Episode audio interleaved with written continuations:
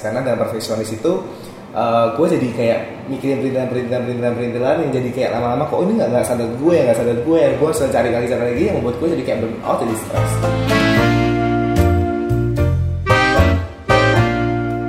Hai, balik lagi sama gue Joseph Eko dan di sini juga ada Edi Hartono Yes, welcome to Mikir Mulu. Jadi ini sebuah podcast yang ngajak kalian untuk gak mikir kelamaan dan segera take action. action. Nah, Ed, sekarang kita dari mana nih ya? kita lagi ada di kantor Put Coworking Space City Walk Sudirman nah di episode ini kita bakal bahas tentang Perfect versus realistic. Perfeksionis nih maksudnya ya, perfeksionis versus being realistis gitu. Nah, Ed, menurut kamu, lu, lu udah senyum-senyum gitu ya? Kayaknya eh, kalau gue bisa lihat nih dari yang Penerawang ya? penerawang, enggak penerawang, tapi sempat kan di beberapa episode sebelumnya Ricci juga mention kalau kita sempat melihat buku catatan lu itu rapi dan gila catatan gue jadi proven banget ya. Dan, dan catatan lu itu bukan catatan lu. Gue gini satu-satunya orang di hidup gue yang pernah gue lihat nyatet eh, punya buku catatan dan nyatetnya pakai penggaris satu pakai eh, pen Warna-warni. warna-warni eh, dan sangat rapi Hmm. itu cuma lu ya bahkan partner gue sendiri ya ini kan em, ngebahas nyinggung-nyinggung dikit sama episode sebelumnya mengenai finding partner Richie aja menurut gue perfeksionis gitu ya cuman kalau ngeliat gaya nulis lu itu udah lebih jadi lu dewanya gitu ya, gitu ya. jadi kalau menurut lu lu itu apakah benar lu itu perfeksionis atau enggak sih bener banget sih gue tuh ya bener bener bener bener bener. Gue tuh perfeksionisnya tuh mentok gitu loh. Jadi kayak eh gue tuh C ini kan C kan ya? S DSC, oh, SC, ya kan benar, Nah, oke. eh, perfeksionis gue tuh mentok. Jadi gue tuh kalau melakukan sesuatu benar-benar detail. Kayak benar-benar kayak eh, misalnya nih kita mau bikin event gitu di festival gue kan nanya kayak ini berapa orang? Eventnya bakal ngapain aja makanannya udah ada belum? Makanannya apa? Udah ada ini ini ini. Kayak gue bener-bener kayak gue mau semua itu serba bagus. Gue tuh mau semuanya serba perfect gak ada cacat sedikit pun. Nah Eh, jadi ya hal ini yang membuat kayak gue cukup membanggakan membanggakan kayak oh gue perfect gue bisa in detail. Gitu. cuman kan kadang-kadang kayak gue berasa bahwa aduh gue capek. Gitu kan. Gue capek karena karena keperfeksionisan gue sendiri gitu nah kalau lo nih tipe apa kok Nggak, tapi sebelum masuk ke gua ya. Ya. ya. Tapi Aduh, sampai aduh. kapan lu bisa ngerasa bahwa eh, lu tuh capek gitu. Yang ngerasa capek diri lu sendiri atau sebenarnya nih William lu bilang gila ya lu kayak ngerjain sesuatu yang nggak terlalu penting. Jadi siapa yang membuat atau apa yang membuat lu bisa ngerasa lu capek gitu? sebenarnya membuat gue capek yang gue merasa capek itu bener kayak gue diri diri gue sendiri sih merasa capek sih karena karena kayak Oke, eh, oke. ya mungkin karena gue tidak bisa ya lingkungan gue tidak seperfeksionis gue jadi kan gue jadi dengan perfeksionis gue jadi terlalu banyak menuntut ya kan Oke. kalau gue maunya ini ini ini ini ini sedangkan di mungkin di tim gue atau di lingkungan gue nggak seperfeksionis gue sehingga kayak gue harus mengerjakan ini sendiri Oke oke. Jadi eh, apa lu jadi ngerasa tertekan? jadi merasa gitu ya? tertekan karena Oh, ya itu Oke. gue nggak bisa mencapai target gue dengan apa standarnya gue gitu loh. Iya, iya. Kalau gue, oh ya, eh, teman-teman kalau tadi bicara mengenai SC, SC atau DI itu maksudnya DISC ya guys ya. Jadi kalau kalian ingin tahu DISC, kalian juga bisa cek di Google DISC untuk ketahuin kalian itu sebenarnya eh, apa tuh antar DISC. Oke. Karakter atau apa itu berarti? Em, kayaknya karakter kepribadian, Kepribadian. ya. Jadi apakah kalian itu dominan, intimate, stabil atau C itu Cermat. cermat gitu ya. Nah kalau gua gua lebih ke realistis ya. Jadi gua itu benar-benar task oriented aja gitu. Jadi kalau tadi ngomong dikit mungkin gue sama kayak William tuh. Pokoknya yang penting kerjaan kelar aja gitu kan ya. Eh, salah-salah dikit segala macam gua eh, gua ini ngecap, suka ngecap kan. Jadi kalau gue presentasi ke klien apa pun yang di slide gue bisa putar balikan dengan segitunya sampai akhirnya klien itu tetap percaya aja gitu which is emang bener cuman menurut gue cuman bedanya kecil-kecil misalnya kayak eh, apa fontnya beda kecil eh, salah salah kata segala macam gue masih bisa eh, apa bersilat lidah gitu ya supaya eh, oke gitu. Cuman kalau partner gue Richie beda banget. Dia bener-bener yang kalau eh, poin apa eh, size-nya fontnya beda satu aja bayangin lu antara 14 dan 15 dia bisa tahu gitu ya. Itu yang menurut gue kayak aduh makanya kalau beberapa project kalau gue review gue mendingan suruh lewatin biji dulu baru gue Karena apa? Kalau gue nge-review project bersamaan sama Richie yang benar-benar pertama kali di review sama kita berdua, waduh, komennya nggak tepat deh. Jadi Richie akan komen mengenai estetika, Estetika. which is yang gue gak peduli gitu ya. Menurut gue pentingin konten gitu. Nah eh, itu yang menurut gue agak kurang cocok tuh makanya kadang-kadang kalau eh, review kerjaan, gue mesti minta anak-anak untuk review ke Richie dulu, beresin mengenai hal gitu, baru gue eh, review gitu. Tapi kalau tadi kan lu bicara mengenai apa lu tadi juga diri lu sendiri yang membuat lu capek gitu kan ya. Eh, apa apakah karena lu perfeksionis tadi lu punya standar yang terlalu tinggi atau sebenarnya apa sih apa sih sehingga lu bikin bikin lu jadi perfeksionis tuh apa gitu? Eh, kalau menurut gue kalau kenapa yang membuat gue jadi perfeksionis tuh kayak supaya orang tuh melihat melihat pekerjaan itu jadi kayak wah bagus gitu loh. Oke. Jadi kayak eh, standarnya Hmm. standarnya tuh kayak kita membuat standar sendiri supaya eh, orang itu ngikutin standar kita. Jadi kelihatan pekerjaan itu jadi bagus ke orang. Oke. Gitu. Jadi eh, kalau ngomong perfeksionis eh, antara standar ketinggian supaya memenuhi standar dua-duanya betul sih. Kayak kita Hmm. punya standar sendiri. Eh, standar kita memang kita atur supaya ketika kita membuat mengerjakan sesuatu itu tuh kayak oh hasilnya tuh bagus. Ketika kalau hasilnya bagus kan pasti orang akan kayak oh bagus ya, appreciate ya, iya. kayak gitu sih. Tapi di saat kapan lu bisa mengatur antara tadi standar maksudnya oke sebelum masuk ke tadi mengatur standar tadi apakah selama perjalanan lu eh, berkarir dan berkarya ini eh, perfeksionis tadi itu membawa dampak yang positif gak sih ke klien ya? Kan Tadi kan ke dalam diri lu, lu udah bilang diri lu sendiri aja capek gitu. Tapi apakah perfeksionis ini berdampak positif gak sih ke delivery ke klien gitu? Nah, s- seiring berjalannya apa ya perjalanan karir gue gitu kan, gue jadi kayak gue jadi sadar insya Oke. Allah kok kayak wah kalau misalnya gue punya standar yang tinggi, nggak semua orang bisa ngikutin standarnya gue. Gitu. Nggak semua- nggak semua orang juga. ngerti standarnya gue gitu Oke. kan. Maksudnya gue, gue mau bagus gitu kan, tapi kan ada tipe orang kayak lo yang kayak yaudah yang penting gue ngerjakan pekerjaan gue, yang penting kerjaan gue beres, udah selesai gitu kan. Nah dari situ gue gue mikir lagi kayak sebenarnya kayaknya tuh nggak perlu perfeksionis perfeksionis banget gitu, nggak yang perlu harus bagus-bagus banget. Yang penting ketika orang dari pekerjaan pasti kita review kan kalau kita yang udah bagus ya udah gitu nggak perlu yang sampai effort lagi untuk bikin lebih bagus lagi karena kalau saya eh, terlalu effort gitu kan maksudnya banyak opportunity yang lost gitu loh. Kayak kayak Hmm. kayak misalnya nih misalnya gue gue mengerjakan pekerjaan eh, dalam waktu tiga jam. Eh ya tiga jam gitu kan. Terus tapi ah, sebenarnya lu cuma butuh waktu setengah jam untuk itu bisa jadi selesai. Tapi lu ngulik lagi ngulik lagi jadi tiga jam. Sedangkan ada ekstra waktu ada ekstra tenaga yang kita keluarkan untuk sebenarnya pekerjaan tidak menambahkan value. Setuju something setuju, gitu setuju. Tapi batasannya apa ya? Sampai lu bisa kayaknya bilang kayak yaudah yang ini udah deh yang itu. Enggak itu batasannya apa gitu? Karena kan nggak ada batasan yang jelas kan. Apa yang lu bisa apa yang lu iniin gitu? Batasannya ya kalau Iya. batasannya hmm, sampai lu bisa bilang bahwa oh ya udah deh lu bisa terima gitu. Itu apa gitu itu dari itu itu jalannya waktu sih kok. Nggak bisa kayak ah, kalau gua kalau Susah jalannya susah susah. Maksudnya kayak gini loh kayak eh, kalau misalnya nih eh, dari awal nih gue ngomong harus bagus bagus bagus bagus kan? Kayak dari klien pun nggak yang harus sampai segitunya. Hmm. ketika gue ada kayak ada misalnya gue mengerjakan kayak oh menurut gue ah se- sebenarnya kayak ada pekerjaan yang kasih timeline. Oh timeline udah selesai nih jam segi- segini. Oke. terus gue kasih ke klien.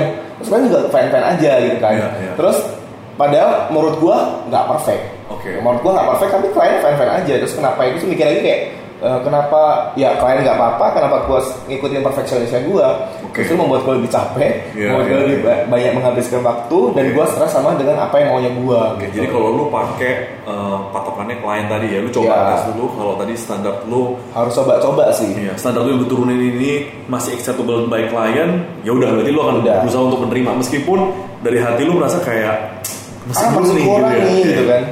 Tadi kalau ngomongin opportunity loss bener juga sih. Gua merasa kalau orang yang terlalu perfeksionis akhirnya banyak waktu yang kebuang sehingga waktu yang kebuang tadi nggak bisa lu kerjain buat sesuatu yang lain gitu. punya pengalaman nggak lo Punya. Cerita dong cerita dong gua em, sama kayak tadi kalau ketika gua ngerjain sebuah project yes Uh, karena project di uh, di Credence Hmm. kita berkaitan erat dengan membuat sebuah deck presentation yang bagus. Hmm. Em, kelemahan dari kebanyakan consulting agency adalah mereka terlalu wordy. Ya, Yes. di di di slide-nya terlalu wordy. Nah, em, bicara mengenai membuat sebuah deck presentation, gua bukan ahlinya gitu. Richie ahlinya karena apa? Kalau gua bikin eh, deck presentation itu benar-benar kayak eh, PowerPoint template zaman dulu gitu ya. Pokoknya A, B, C, pokoknya selesai lah. Dan gue bisa ngecap. Lu kasih waktu gue sejam dua jam, gue bisa ngecap di situ. Tapi kan nggak bagus ketika pesan Betul, betul. Cuman yang jadi sering jadi problem adalah ketika sama Richie satu font jadi problem ya belum lagi itu font satu tebel tipis font jadi problem size jadi problem eh, gambar jadi problem perempatan gambar terus kemudian margin kanan kiri Gue merasakan, gue merasakan. Ya, jadi menurut gua hal yang tadinya harusnya kita bisa stepnya at least misalnya nih dalam dua minggu kita udah progresnya harusnya 50% ini jadi cuma 20% gitu. Which Karena perintilannya banyak. Karena perintilannya banyak dan ketika gua mau review ya ampun kenapa baru sampai begini gitu. Cuman udah bagus gitu. Cuman ya menurut gua harusnya nggak begitu gitu Berarti kalau terlalu perfeksionis bisa di fatal dong. fatal banget menurut gua gitu. Cuman menurut Richie menurut belum tentu juga. Menurut gua juga akhirnya belum tentu. Cuman akhirnya gua bilang sama Richie di beberapa kasus gua lihat Richie datang pagi eh, datang ke kantor pagi mukanya eh, matanya udah capek banget ya. Gua tanya sama dia, "Kenapa?" gitu. Iya, karena gua ngerjain eh, deck sampai jam 2 jam 3 gitu kan. Hmm. Dan setelah gua review decknya belum sampai ke progres yang gue mau gitu. Nah, yang dia spend waktu banyak itu adalah untuk ngerjain tadi Perintilan. being perfectionist, tapi nggak diimbangin sama task orientednya, timelinenya, time frame-nya nggak capai gitu. Jadinya akhirnya dicapai sendiri. Padahal menurut gua apa yang dia kerjain itu udah lebih dari apa yang standar yang kita udah set gitu gitu. Jadinya ya tadi tuh menurut gue ya banyak opportunity loss. Ruginya di dia sendiri sih karena gue bukan gue kan gue kan cuma yes to yes to gitu. Eh, ruginya diri dia sendiri. Karena apa? Jadinya dia kecapean. Belum lagi sekarang dia punya dua anak kan.